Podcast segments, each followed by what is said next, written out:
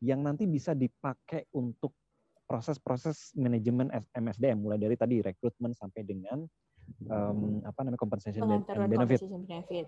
Okay. Nah, so uh, hmm. karena ini dasar banget, jadi penting bagi kita semua untuk melalui proses.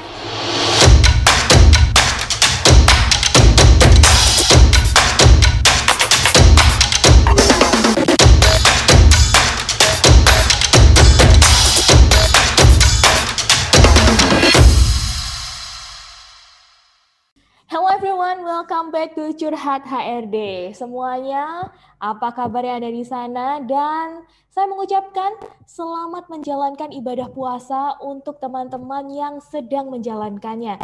Semoga ibadah Anda juga lancar gitu ya, dan juga semoga uh, benar-benar penuh gitu sampai nanti hari raya Idul Fitri tiba.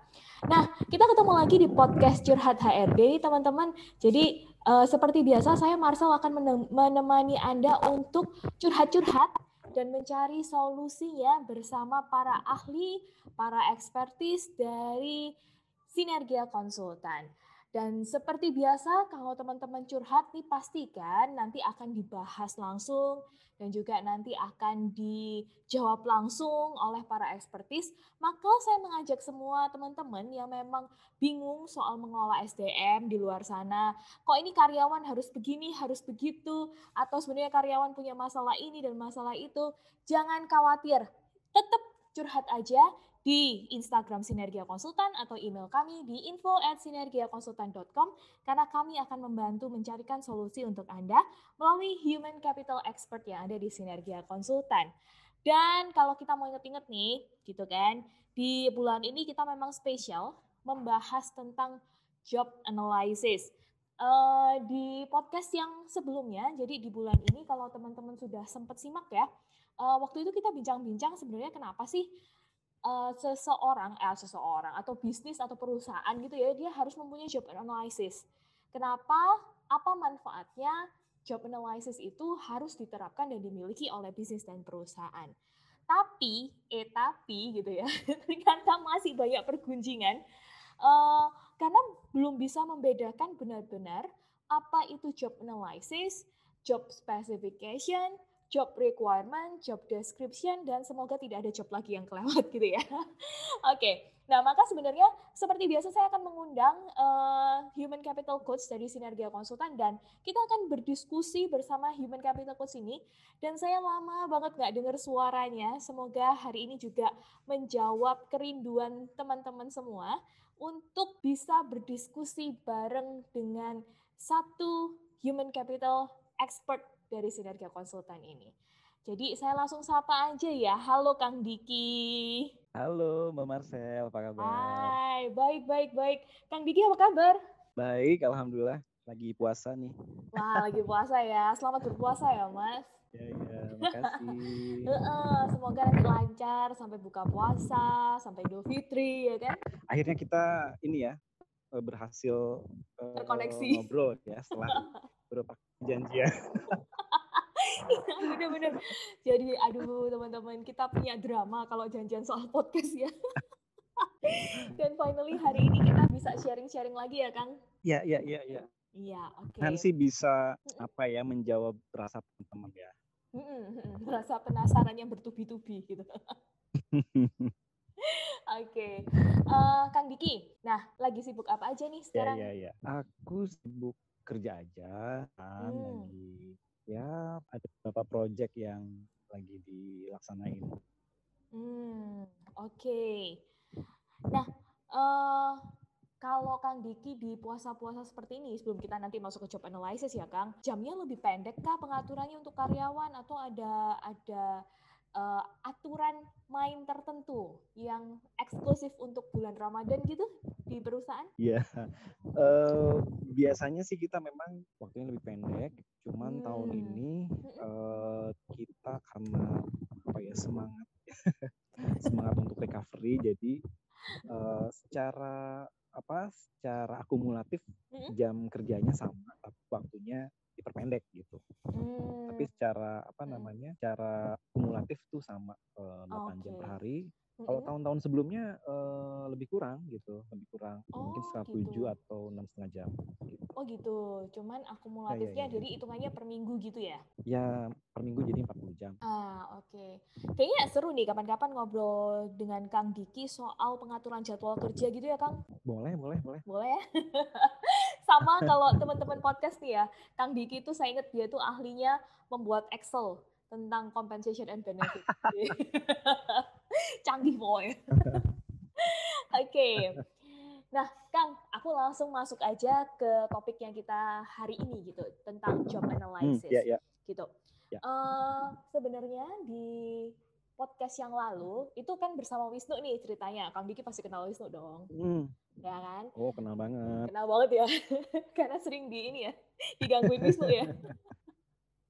sering digangguin. digangguin. Oke. Okay. Nah, uh, saat itu kita sedang membahas sebenarnya manfaat job analysis. Apa aja sih sebenarnya dan waktu itu Wisnu menyebutkan uh, ada sekitar enam manfaat job analysis yang mhm, macam-macam mm -hmm. gitu. Mulai dari hiring, terus mulai dari mm -hmm. uh, penentuan KPI dan banyak banget gitu ya. Nah, yeah. Ya. uh, cuman jadi bertanya-tanya gitu, ada yang bertanya-tanya. Oke, okay, job analysis itu sebegitu bermanfaatnya dan sebegitu kompleksnya. Tapi ternyata hmm. banyak perusahaan yang masih mempunyai uh, job description yang dianggap sebagai job analysis. Hmm, Oke. Okay. Oke okay, ya. Jadi mereka uh, kalau ditanya udah punya job analysis belum? Udah kok gitu. Tapi yang keluar cuma yeah, yeah, yeah, ketika yeah. dibaca, eh yang muncul job desk gitu. Belum hmm, lagi job desknya itu nanti ada uh, kalau saya bilang mungkin bukan job desk beneran ya, jadi campuran antara hmm. SOP, instruksi kerja. Iya. Jadi satu dalam form job desk gitu. Maka uh, hari ini kami pengen tahu lebih dalam sih sebenarnya bedanya apa antara job hmm, okay. specification, job requirement, job desk, dan nanti akhirnya adalah job analysis. Gitu. Hmm, hmm, Oke. Okay. Okay. Silakan, Kang Diki mau mulai dari mana nih? Um, mungkin de, mulai dari apa ya me, me, mengingatkan lagi atau hmm. mempertegas statement tadi bahwa job analysis ini adalah uh, sangat penting dan ini memang hal yang mestinya uh, dilakukan di awal sebelum yang lain-lain gitu ya tadi kayak misalkan hmm. kita menentukan uh, training kita kemudian uh, menentukan SOP kita menentukan uh, gaji dan seterusnya hmm. jadi job analysis ini memang penting banget dilakukan di awal hmm. nah memang masalahnya tidak semua orang atau tidak semua perusahaan hmm. sudah melakukan ini yang seperti yang Mbak Marcel sampaikan ya hmm. tahu-tahu udah ada job desk gitu ya dan hmm. job desknya entah dari mana gitu kan gitu. Ya pokoknya kira-kira kerjanya ada. kayak gitu gitu kan. Hmm, dikira-kira hmm. gitu kan. Hmm. Nah, jadi itu penting banget. Nah, hmm. cuman tadi masalahnya tidak semua perusahaan atau hmm. tidak semua uh, eh, HRD melakukan itu karena hmm. mungkin juga masih apa ya kurang familiar apa itu job analysis. Hmm. Nah, terkait dengan bedanya, gitu ya, bedanya tadi uh, dengan uh, job desk, hmm. sebetulnya kalau saya sih bukan masalah beda atau enggak. Hmm, hmm, Jadi hmm. begini, uh, job analysis ini adalah sebuah proses yang dilakukan ya. Menganalisis jabatan kan sebetulnya. menganalisis jabatan. Termasuk di dalamnya uh, jabatan itu melakukan apa aja gitu ya. Kemudian uh, apa atau siapa yang perlu untuk uh, yang cocok menduduki jabatan tersebut gitu kan. Terus okay. kemudian bagaimana uh, jabatan itu melakukan pekerjaannya, apa hmm. saja yang untuk bisa uh, melakukan uh, jabatan atau pekerjaan tersebut dan hmm. seterusnya gitu. Jadi hmm.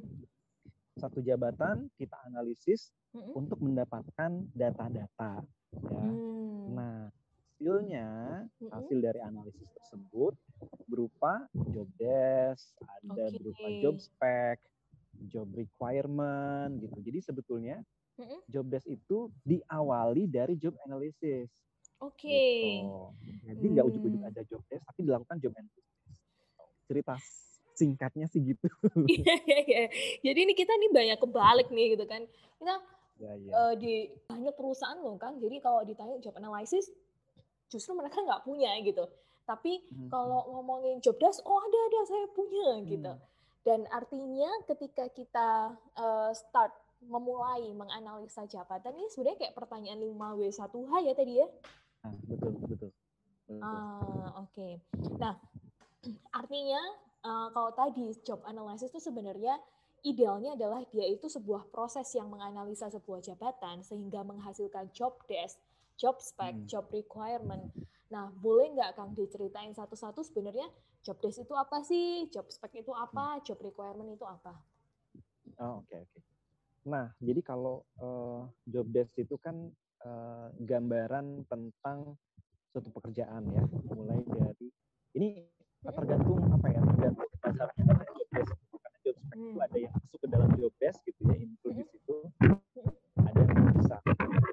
Tapi pada dasarnya job description ini adalah lebih lebih kepada menggambarkan tanggung hmm. jawab uh, fungsi ya fungsi kemudian tanggung jawab dan kewenangan dari uh, satu jabatan hmm.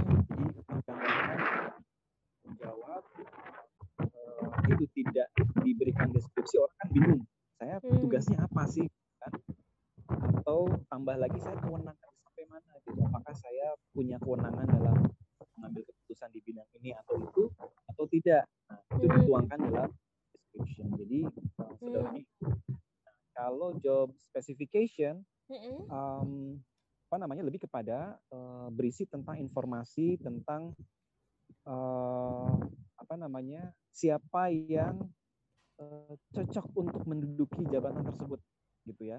Misalkan Ini tentang dari sisi, ya? Tentang, tentang orangnya. Okay. Uh, pendidikannya, kemudian hmm. keterampilan yang dimiliki, terus kemudian profil psikologinya gitu kan. Hmm.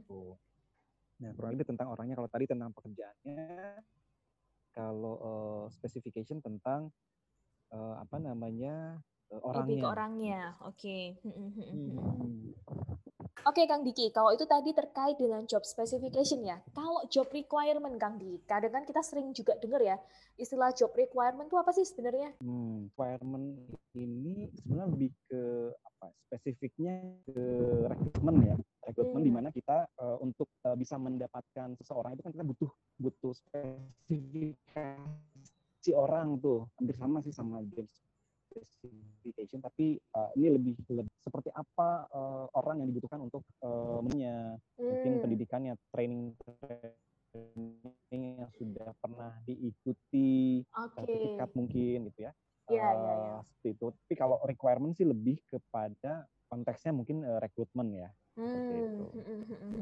Oh iya biasanya kan kalau di lowongan pekerjaan kan ada tulisannya requirements gitu ya. ya Harus betul. minimal satu tahun gitu kan. Iya iya iya. Ya. Harus uh, pendidikan apa yang paling diutamakan? Oke, berarti ini ya sebenarnya kalau kita kembali ke podcast yang sebelumnya juga nih teman-teman yang dengerin podcast, makanya ini kenapa sebenarnya job analysis ini jadi penting untuk proses hiring Anda gitu. Karena sebenarnya ada job requirement yang tertuliskan di situ yang bisa Anda gunakan secara langsung untuk membuat iklan lowongan pekerjaan gitu. Karena hmm. banyak juga member-member kami itu kan yang me hmm. dia membuat requirement pekerjaan aja tanya gitu kayak uh, karena saya hmm. sempat baca satu iklan lowongan tulisannya gini uh, dibutuhkan untuk posisi kasir kok nggak saya kasir uh, satu requirementnya yeah. adalah wanita baik-baik iya baik-baik jadi bingung. apa, gitu ya? Benar benar gitu. Wanita baik-baik ini artinya banyak gitu. Baik-baik yang seperti apa gitu. Ya, ya. nah maka sebenarnya requirement ini membantu anda untuk membreakdown kali ya Kang ya? Jadi ya, di breakdown dipecah-pecah satu-satu supaya kita paham gitu. Nah, jadi uh, baik-baik aku agak-agak nyambung ya Mbak Marcel. Iya. Aku agak nyambung ke contoh barusan, misalkan uh, requirement-nya wanita baik-baik. Oke, yang baik-baik kita abaikan karena uh, standarnya juga kita nggak tahu ya kayak. Nggak ngerti, ya nah, benar. Termasuk, nah termasuk juga kalau misalkan kita uh, mau mencantumkan gender di uh, iklan lowongan itu harus hati-hati karena khawatir kena delik uh, apa ya uh, Sarah ya Hmm. seperti itu. Jadi kalau kalaupun kita mau meng-hire Mm-mm, misalkan mm-mm, uh, spesifik gender tertentu, mm-mm. um, saran saya, saran Mm. saya sebaiknya uh, itu dikip di internal saja, Hmm. tidak perlu untuk dipublish gitu. Open Karena khawatir public ini ya. jadi um, apa ya diskriminasi gender saran aja. Oke. Em, ya jadi ini ya memang kalau di beberapa portal lowongan juga kayaknya memang jadi satu hal yang dicatat ya gitu ya Kang kayak di Facebook saya tahu eh, di job posting eh, mereka kalau ada laki-laki atau perempuan mereka nggak ngeposting iklannya itu kan Hmm, ya ya. Ya. ya kan jadi hati-hati makanya kenapa perlu job analysis ini teman-teman podcast Hmm, supaya um, kita juga bisa memetakan lebih detail kira-kira requirement seperti apa sih yang kita mau sehingga dan buat lowongan pun jadi nggak salah ya kan Mhm, mhm. Betul ya? betul. oke nah eh Kang jadi kalau tadi ya berarti job analysisnya adalah tadi saya balik ada sebuah proses yang hasilnya adalah job desk terus eh, job specification dan job requirement nah em, memang terus akhirnya kayaknya banyak banget pekerjaan yang harus dilakukan gitu. Hmm, hmm. Nah, eh, Ya. untuk bisnis yang memang baru mulai, untuk perusahaan-perusahaan yang Ya. baru mulai atau kita sebut startup gitu ya, Ya. mereka memang harus punya hal ini secara lengkap Hmm. atau sebenarnya Ya. mana dulu ya yang diduluin gitu. Hmm, Oke. Mm-mm. Nah, jadi eh, untuk case eh, perusahaan yang baru didirikan, jadi Mm-mm. kita merintis gitu ya. Jadi kita memang mendesain eh, pekerjaan-pekerjaan gitu.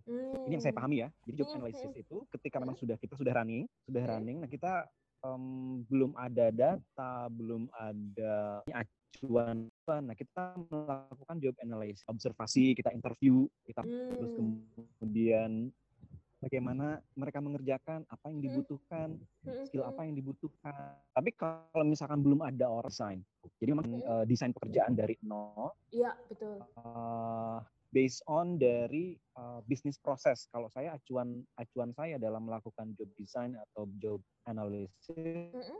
itu bisnis proses bisnis Oke. proses perusahaan kita petakan dulu kayak Mm-mm. gimana Mm-mm. terus kemudian apa yang perlu ada.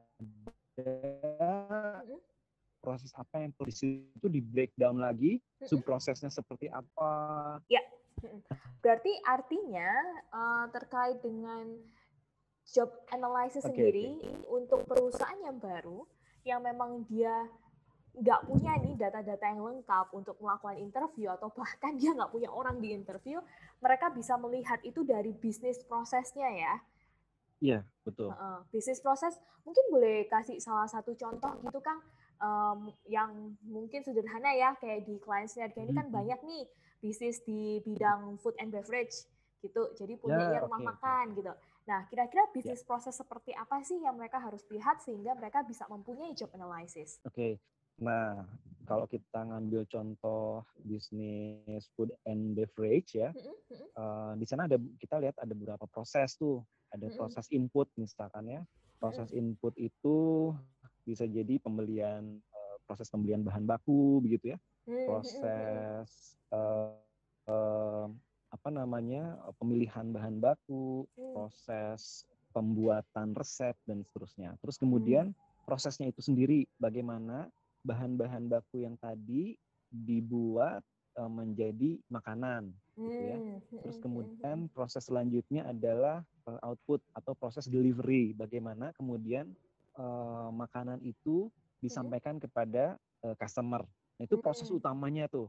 ya Nah, ya dari ya situ kan benar ada ada proses turunannya lagi kan. Gitu. Misalkan heeh. tadi proses eh, mengolah makanan Mm, gitu ya. Mengolah Iya, makanan yang itu ada. pertama akan eh, apa ya makannya dicuci dulu apa dulu dan seterusnya. heeh, penyimpanan gitu-gitu itu ya kan ada subproses tuh Heeh. mana dan seterusnya.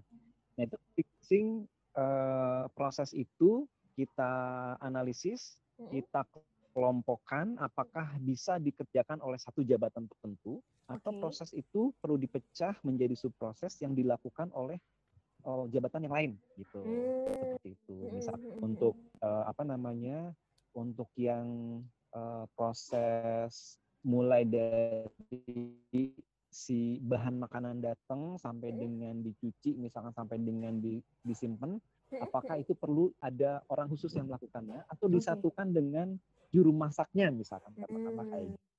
Nah, itu kan perlu dianalisis juga ya, Ya, perlu ya, ya, didesain. ya. Oke, Kalau ternyata em, kita masih sederhana, Mm-mm. eh, bah- apa namanya, menunya masih satu, Mm. bisa jadi itu dilakukan oleh satu orang Hmm. atau satu jabatan. Tapi Oke. kalau misalkan udah kompleks, makin kompleks satu proses, masih Mm. makin kompleks produknya, Mm-mm. bisa jadi lebih banyak lagi jabatan yang eh, perlu dibuat lebih spesifik gitu. Oke, artinya kan job analysis ini juga bisa berkembang ya. Tadi saya bayangin kan kok eh, modelnya bisnis ini benar-benar baru nih. Kita punya eh, rumah makan baru gitu, makanya kita harus menganalisis ya. bisnis prosesnya. Eh ternyata gitu ya, tiga tahun mendatang eh, perusahaan berkembang, outletnya lebih banyak misalnya, jadi 100 orang. Nah maka kan Ya, ya. pasti job analysisnya juga beda ya. Ya, pastinya. Pastinya Hmm. ketika eh, ada bisnis berkembang, Mm-mm. terus kemudian nggak mungkin dong goals-nya segitu-gitu doang, Mm-mm, pasti goals-nya mm-mm, meningkat. mm-mm, Strateginya juga pasti beda lagi. Nah, mm-mm, prosesnya juga pasti akan beda lagi. Nah, mm-mm. proses ini memang mengikuti biasanya mengikuti eh, goals dan strategi ya. Iya, uh, uh, Ada uh, uh. perubahan strategi berarti bisa jadi ada perubahan proses yang tadinya Oke. prosesnya nggak ada jadi ada gitu ya. Benar, benar, Misalkan, benar. Heeh. tadinya nggak ada eh, orang yang khusus menyambut tamu. Nah sekarang ada perlu ada proses Hmm. eh, perlu ada proses nyambutan tamu secara khusus gitu ya, Hmm, misalkan hmm, gitu. hmm, Nah itu hmm. kan berarti ada proses baru yang Hmm. diadakan. Atau bisa jadi ada proses yang ditiadakan yang Hmm. tadinya manual jadi digital gitu kan. Yang Hmm, tadinya oke. ada pelayan khusus karena Hmm. strateginya digital, pengen lebih Hmm, masif hmm. lagi, Hmm, berarti nggak ada tuh proses untuk eh, apa namanya eh, menerima orderan secara langsung gitu. Oke, Jadi, langsung Proses gitu itu ya bisa dipakai sangat berubah.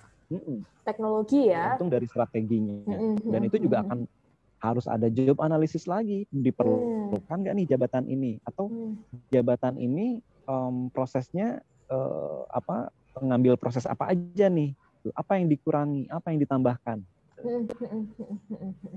Hmm, hmm, hmm, hmm, hmm, hmm. Oke, ini jadi menarik banget gitu karena uh, Hmm. banyak mindset para business owner, terus uh, human capital practitioner terutama Kang. Ketika mereka udah membuat sistem di tahun ini misalnya, mereka ngerapiin semua sistem, mereka jadi ngerasa kayak ya udah selesai, ini bisa dipakai Hmm. nih sampai tahun-tahun berikutnya dan mereka uh, tetap menggunakan misal job analysis yang lama, job desk yang lama untuk sekian tahun ke depan. Jadi teman-teman podcast ya hari ini kita diingatkan oleh Kang Diki kalau misalnya teman-teman udah punya sistem silahkan direview lagi. Mungkin goal Anda beda sehingga strategi Anda berbeda, bisnis proses Anda berbeda dan job analysisnya perlu diperbaharui. Ya kan Kang? betul sekali betul sekali Oke, oke. Nah, eh, Kang, ini dikit aja ya, karena udah nggak kerasa ini hampir 30 menit gitu. Maka, eh, kalau dari Kang Diki, sebenarnya job analysis sendiri, sepengalamannya Kang Diki, itu sangat bermanfaat untuk apa sih?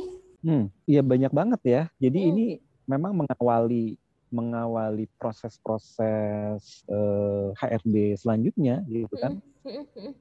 Em, yang pertama ya tentunya outputnya job desk ya job Hmm. desk eh, dari job desk itu juga ada job spec-nya bagaimana kita eh, rekrutmen Hmm. rekrutmen acuannya ya ke situ gitu orangnya yang kita mau hire tuh seperti apa itu kan kita dapatnya di job spec atau job eh, requirement, tadi ya Requirement. Mm-mm. betul kemudian yang kedua eh, tadi pertama rekrutmen ya kedua tentang eh, people development Hmm. gitu. Nah, dari job analysis itu kan juga hasilnya adalah keterampilan apa yang perlu dimiliki oleh jabatan tertentu kan. Oke. Itu. Nah, sedangkan eh, kita coba bandingkan apakah pejabat atau incumbent yang menduduki jabatan tersebut sudah Mm-mm. memiliki atau belum gitu ya Hmm. kompetensi yang dipersyaratkan. Kalau belum berarti ada gap di situ. Kalau ada Hmm. gap berarti ada kebutuhan training. Nah, Oke. seperti itu. Hmm, hmm, People hmm, hmm. development. Kemudian compensation.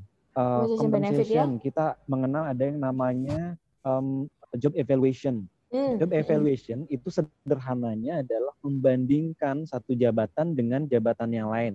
Untuk Mm-mm. kita uh, dalam hal reward ya, gitu. hmm, hmm, tentunya kita nggak mungkin menyamaratakan uh, semua apa namanya semua semua jenis pekerjaan gajinya sama, nggak mungkin ya. Pasti hmm, ada Betul. jabatan tertentu yang dia apa namanya uh, diberikan reward lebih dibanding dengan jabatan yang lain. gitu. Hmm, hmm, Nah, bagaimana kita menentukan itu? Ya tentunya dari eh, hasil job analysis tadi, Hmm, eh, dari job desk gitu. Ini kewenangannya seperti apa nih, gitu ya? Tugasnya seperti apa? Apakah lebih berat dari eh, apa namanya jabatan yang lain, gitu ya? Requirement requirementnya makin spesifik, makin langka, tentunya makin mahal dong ya. hmm, gitu. betul. Jadi, nah itu kaitannya ke sana, sederhananya ke sana sih. Jadi Oke, oke. Jadi Uh, ya. manfaatnya tadi uh, rekrutmen, people development, compensation and benefit dan Mm. lain-lain juga uh, tentunya acuannya dari situ. Gitu. Job analysis itu. Oke, oke. Nah, kayaknya banyak banget deh yang hari ini kita bisa dapat dari Kang Diki gitu ya, selain tadi bedanya antara job desk, job requirement, job specification. Dan ternyata job analysis yang dalam bayangan saya itu adalah sebuah dokumen, Kang Diki hari ini menegaskan bahwa itu adalah proses menganalisa jabatan. Iya juga ya gitu. Tapi saya mau ngingetin juga teman-teman nih Kang, eh, kalau sebenarnya teman-teman juga bisa mempunyai form eh, job analysis ini. Jadi Hmm. tinggal apa aja sih yang sebenarnya harus dianalisa. Kalau bingung startnya dari mana, gampang aja. Teman-teman bisa download di www.sinergiakonsultan.com slash all in one. Karena di sana teman-teman akan mendapatkan satu form untuk menganalisa jabatan, plus ada satu video yang eh, mengajak teman-teman gimana sih caranya menganalisa sebuah jabatan itu dengan lebih terstruktur. Begitu. Atau sebenarnya kalau mau contoh-contoh lebih lengkap, teman-teman juga bisa gabung menjadi member di HCA Online Mentoring Program. Eh, di sana teman-teman akan dapat informasi yang lebih lengkap kaitannya dengan yang lain-lain. Nggak cuma itu, teman-teman juga bisa menyimak video pembelajaran dari Kang Diki, dari materi-materi yang sebelumnya yang sudah dibuat oleh Kang Diki. Begitu. Kang, take away dong sebelum menutup sesi hari ini, kira-kira apa ini yang memang harus di-highlight oleh teman-teman yang mendengarkan podcast ini tentang job analysis, Kang? Oke, Um, make it simple aja ya. Jadi uh, sekali lagi job analysis ini um, satu proses untuk mendapatkan data ya, yang nanti datanya itu sangat bermanfaat untuk bagaimana kita mengelola sumber daya manusia. Jadi ini awal proses awal yang perlu untuk dilakukan Mm-mm. untuk mendapatkan data-data yang nanti bisa dipakai untuk proses-proses manajemen MSDM mulai dari tadi rekrutmen sampai dengan um, apa namanya compensation and Pengantaran benefit. compensation benefit. Oke. Nah, so Hmm. uh, karena ini dasar banget, jadi penting bagi kita semua untuk melalui proses ini. Dan saya Hmm. kira Sinergia sudah sangat memberikan kemudahan melalui form yang tadi sudah Hmm. disediakan ya itu saya udah udah lihat dan itu memudahkan banget gitu bagi teman-teman Ya, untuk ya. melakukan job analysis. Oke, oke. Thank you, thank you Kang Diki. Dan kalau saya ini dari take away-nya juga sama, mirip gitu. Padahal kita nggak janjian ya, Kang. Kalau saya tadi take away-nya dari hari ini, podcast hari ini tuh ada dua sebenarnya. Yang pertama, job analysis itu eh, mengingatkan saya kembali bahwa artinya adalah menganalisa jabatan. Itu bukan dokumen. Jadi itu adalah sebuah proses untuk mendapatkan hasil, yaitu berupa job desk, job spec, atau job requirement. Dan yang kedua adalah job analysis sebenarnya anda perlu untuk mengawal proses HRD selanjutnya. Apa pun prosesnya, tapi ini adalah sebuah awal untuk mengawali atau me, apa ya, membuat menjadi lebih terstruktur, tersistematisasi ketika Anda lebih mempunyai job analysis. Jadi saya thank you banget Kang Diki Sama-sama. untuk podcast hari ini, diskusi hari ini. Eh, mungkin teman-teman yang lagi dengerin podcast kita kok kayaknya sinyalnya struggling dan segala macam. Ya, nanti kita akan juga eh, membuat ini supaya lebih enak gitu ya Kang didengerin. Ya, ya, ya. Heeh, gitu karena apa ya? Karena kendala sinyal dan lain-lain. Semoga Anda juga bisa mendapatkan manfaat yang lebih dari hari ini, dari podcast hari ini. Saya juga akan merangkumnya nanti dalam uh, bentuk yang lain, dalam Instagram kami. Jadi Anda bisa follow di Instagram kami di @sinergia underscore konsultan. Anda juga bisa uh, follow-follow Kang Diki dan tanya-tanya Kang Diki secara langsung mengenai human capital ataupun HRD uh, di Instagramnya Kang Diki di at, apa ya Kang? Diki F Senjaya. Diki F Senjaya. Jadi D I C K Y F Senjaya. Jadi langsung aja follow Kang Diki dan curhat-curhat bareng Kang Diki juga boleh. Curhat bareng Sinergia. Boleh, boleh. boleh banget. Nanti kita akan bahas bersama di podcast Curhat HRD ini. Jadi thank you sekali lagi buat Kang Diki. Sama-sama. Thank you thank juga. you buat teman-teman yang sudah mendengarkan podcast hari ini. Selamat menunaikan ibadah puasa. Stay safe, stay productive, and keep your energy to sell. Bye. Bye-bye.